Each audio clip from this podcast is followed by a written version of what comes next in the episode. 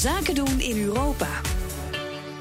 Vandaag reizen we af naar Frankrijk. Ruim twee weken heeft het land een nieuwe president, Emmanuel Macron. En hij wil onder andere de arbeidswetgeving versimpelen en de bureaucratie voor bedrijven verminderen. Nou, dat lijkt eh, goed nieuws. Uh, Rob Lemmerlijn is uh, aan de telefoon, medeoprichter van Holland Bikes. Ja, u heeft tien fietsenwinkels en nog een paar honderd afzetpunten in Frankrijk. U verkoopt fietsen, verhuurt ze, organiseert fietstours. Hoe kom je op het idee om dat in Frankrijk te gaan doen? Ja, goedemorgen. Uh, ja, dat is een interessant, uh, interessante vraag. Uh, Vijftien jaar geleden was ik werkzaam in de automobielindustrie voor General Motors in, op het Europese hoofdkantoor in, in Parijs. En daar bleek al heel snel dat ja, in de toekomst landen als Frankrijk, Spanje, Italië echt een probleem zouden komen met verkeersverstoppingen, gezondheid, milieu, noem maar op. Dus heb ik met mijn compagnon Bart Vos destijds besloten om ja, de sprong in het diepe te maken, echt het ondernemerschap in te duiken. En zijn we langzaam eh, begonnen. En 2002 was ons startjaar, dus we zijn nu 15 jaar onderweg.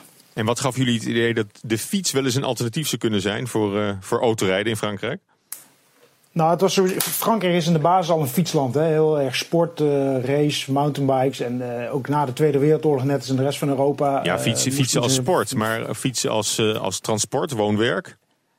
Ja, nou, het zit, het zit wel in de. Absoluut. Het zit al in de, in de kern van de, van, de, van de Fransman en Fransvrouw. Dus uh, daar is zeker wat te doen. En destijds werd de nieuwe burgemeester van Parijs gekozen. En die had een heel groot fietsplan. Met uh, nieuwe fietspaden, uh, subsidieplannen enzovoorts. En dat is allemaal in werking gezet. En ja, Parijs heeft inmiddels honderden kilometers fietspad erbij gekregen, bijvoorbeeld. Ja, en dat, en dat witte fietsplan volgens mij, hè? Een soort, soort Boris Bikes die, heb je, die uit Londen, ja. die heb je ook in, die heb je ook in Absoluut. Parijs. Dat is een dat is, dat is voor ons een democratisering van het fietsgebruik eh, gebleken. Dat is inmiddels een paar jaar, maar dat is echt heel erg stimulerend om, om mensen weer op de fiets te krijgen. Dat helpt jullie ook, dat er al fietsen worden aangeboden?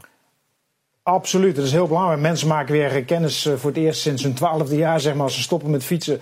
Dat ze gewoon naar het werk of inderdaad kinderen naar school kunnen brengen of gewoon boodschappen kunnen doen. Ja, daarna wil ze natuurlijk een echte fiets gaan kopen. Ja, dan kom je natuurlijk vrij snel bij, uh, bij ons uit. Oké, dus we kunnen het even proberen of ze, of ze het nog kunnen. Zonder zijwieltjes. En daarna komen ze naar, uh, naar, jullie, ja. naar jullie toe.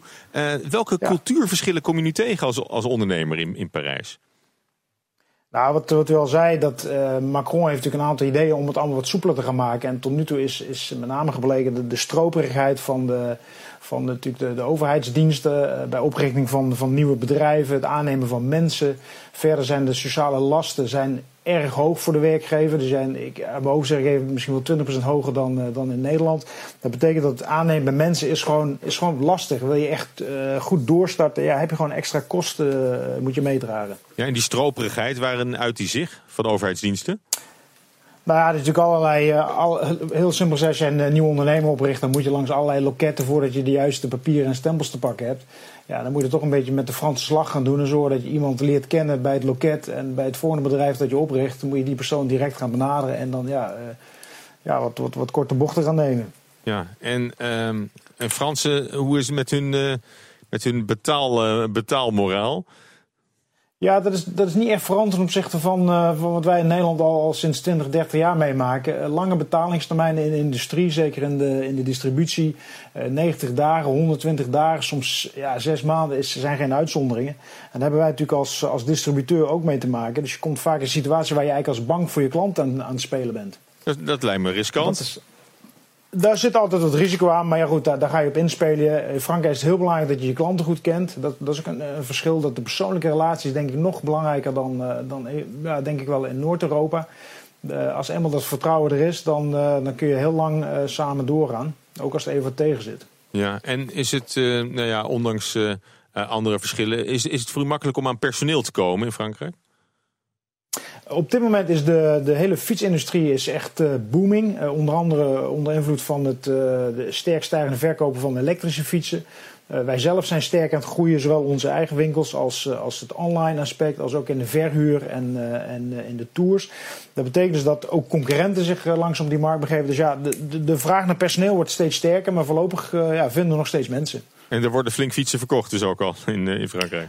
Er, wordt, er worden flink fietsen verkocht. En uh, nou, wij, zijn, wij zijn zeer geïnteresseerd om... om ik maak even gebruik van de, van, van de situaties dat wij zoeken echt naar potentiële investeerders... om ons verder te helpen in de groei. Er is gewoon op dit moment heel veel te doen in de, in de fietsbranche. Nou, Nederland is natuurlijk nummer één in Europa wat dat betreft. Dus voldoende kennis.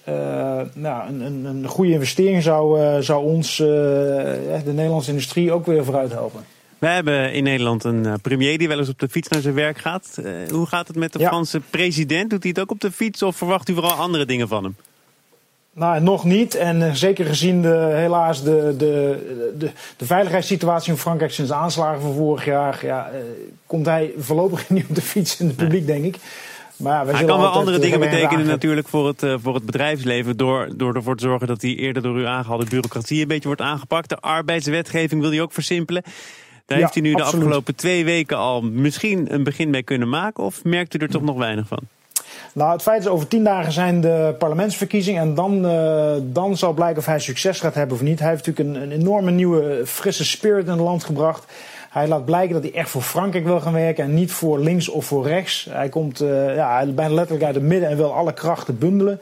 Maar de parlementsverkiezingen zullen bepalen of hij succesvol gaat worden of niet. En ook daadwerkelijk al die plannen die hij uh, heeft, heeft ja, verteld, uh, of die, die ook daadwerkelijk kan gaan uitrollen de komende vijf jaar. Nou, typisch Frans fenomeen is natuurlijk ook de 35-urige werkweek. Hè? Daar, daar, lopen veel ja, mensen ja, tegen, tegenop. Is, dat, is dat nog, valt daar nog aan, aan te tornen? Zit daar beweging in? Of is dat iets waar je maar beter aan kunt wennen als je zaken doet in, nou, Ja, voorlopig hebben we eraan moeten wennen. Het is echt een, een rem, op, uh, rem op ontwikkeling gebleken, al, al 15 jaar. Uh, Macron heeft gezegd dat hij daar zeker wat aan wil gaan doen. Maar ja, nogmaals, hij zal echt ondersteuning van het parlement moeten hebben. Wil hij dat daadwerkelijk doorkrijgen. Dus ja, ik heb er wel de hoop erop.